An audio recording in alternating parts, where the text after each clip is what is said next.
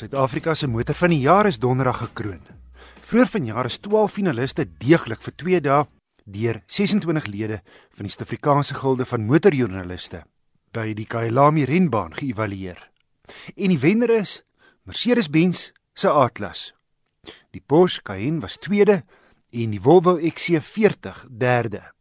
Daar was ook kategoriewenners in die kompakte afdeling het die Suzuki Swift koning gekraai. In die kategorie ontspanning kruisvoertuig was die Porsche Cayenne die wenner. En in die kategorie leefstyl nutsvoertuig die Suzuki Jimny. Die Lexus ES het die afdeling premium sedan ingepalm, terwyl die Atlas ook die gesin sedan en luikerig kategorie gewen het. Verlede maand se plaaslike verkope was 3,1% laer as Maart 2018 se. 'n indrukwekkende 4252 nuwe Hilux bakkies is verkoop om Toyota loshande die topverkoper te maak. Die Polo Vivo met byna 2500 het Volkswagen na die tweede plek gehelp. Nissan was derde, Ford vierde, gevolg deur Hyundai. Sesde was Renault, gevolg deur Isuzu, Mercedes-Benz en BMW. Kia was 10de, terwyl Mazda en Suzuki ook albei verlede maand meer as 1100 eenhede verkoop het. 'n Luisteraar, Piet Leroux, skryf na aanleiding van verlede week se program toe ek 'n 4 ton trokkie getoets het.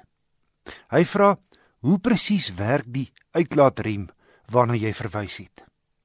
Ek het by 'n kenner gaan aanklop, Nicolou, die tegniese redakteur van die tydskrif Kar. Mens kry dit gewoonlik op ons swaar voertuie wat baie vrag dra. En natuurlik as hulle by styl afdraandes kom, dan moet hulle gerem word en 'n uh, mens wil nie daai meganiese remme die hele tyd gebruik nie. Die probleem is eerstens daai remme sal vinnig verweer en tweedens hulle sal selfs oorverhit en dit kan gevaarlik wees as hierdie vragmotors met die baie tonne op heeltyd op meganiese remme teen 'n berg af moet gebruik.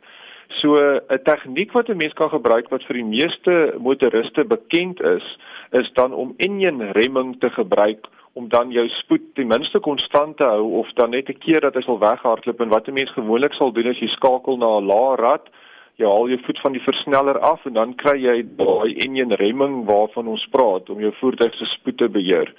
Nou as ons praat van 'n uitlaatrem, dit is net 'n metode om dan daai enjin remming wat jy dan sal ervaar te verhoog en dit is wat gebeur op hierdie swaar vragmotors.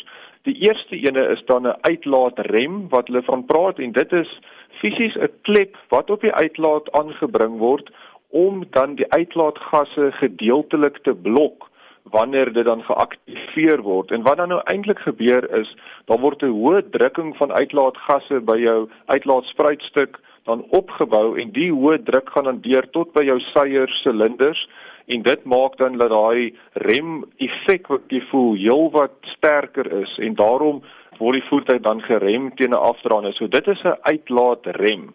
Maar dan kry mens ook 'n engine rem wat hulle van praat en uh, in die in die veld van die van die vragmotors sal die ouens praat van 'n jake rem en wat dan gebeur is hulle gebruik die die klepreëling van die engine tydens die kompressieslag sal hulle dan die uitlaatklep vroeg oopmaak. So basies as jy dink aan die enjin as 'n lugpomp en kyk jy gaan nou teen 'n afdraande, daar word nie nou diesel ingespuit nie, hy pomp nou net lug deur. So wanneer daai seier in die silinder daai lug saampers, dan maak hulle die uitlaatklep vroeg oopmaak, sodat dit dan laat ontsnap. En dan raak die enjin eintlik 'n kompressor en ons weet almal 'n kompressor gebruik baie energie en dit is dan daai energie wat gebruik word vir veroorsaak dat daar 'n sterk rem effek op die enjin kom wat natuurlik dan deur jou aandryfstelsel tot by die aandryfwiele werk en dan die voertuig sal rem.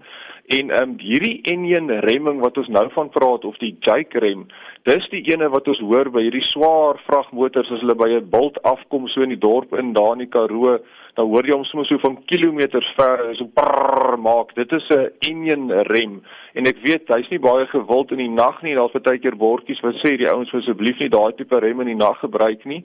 Ehm um, want die mense wil slaap.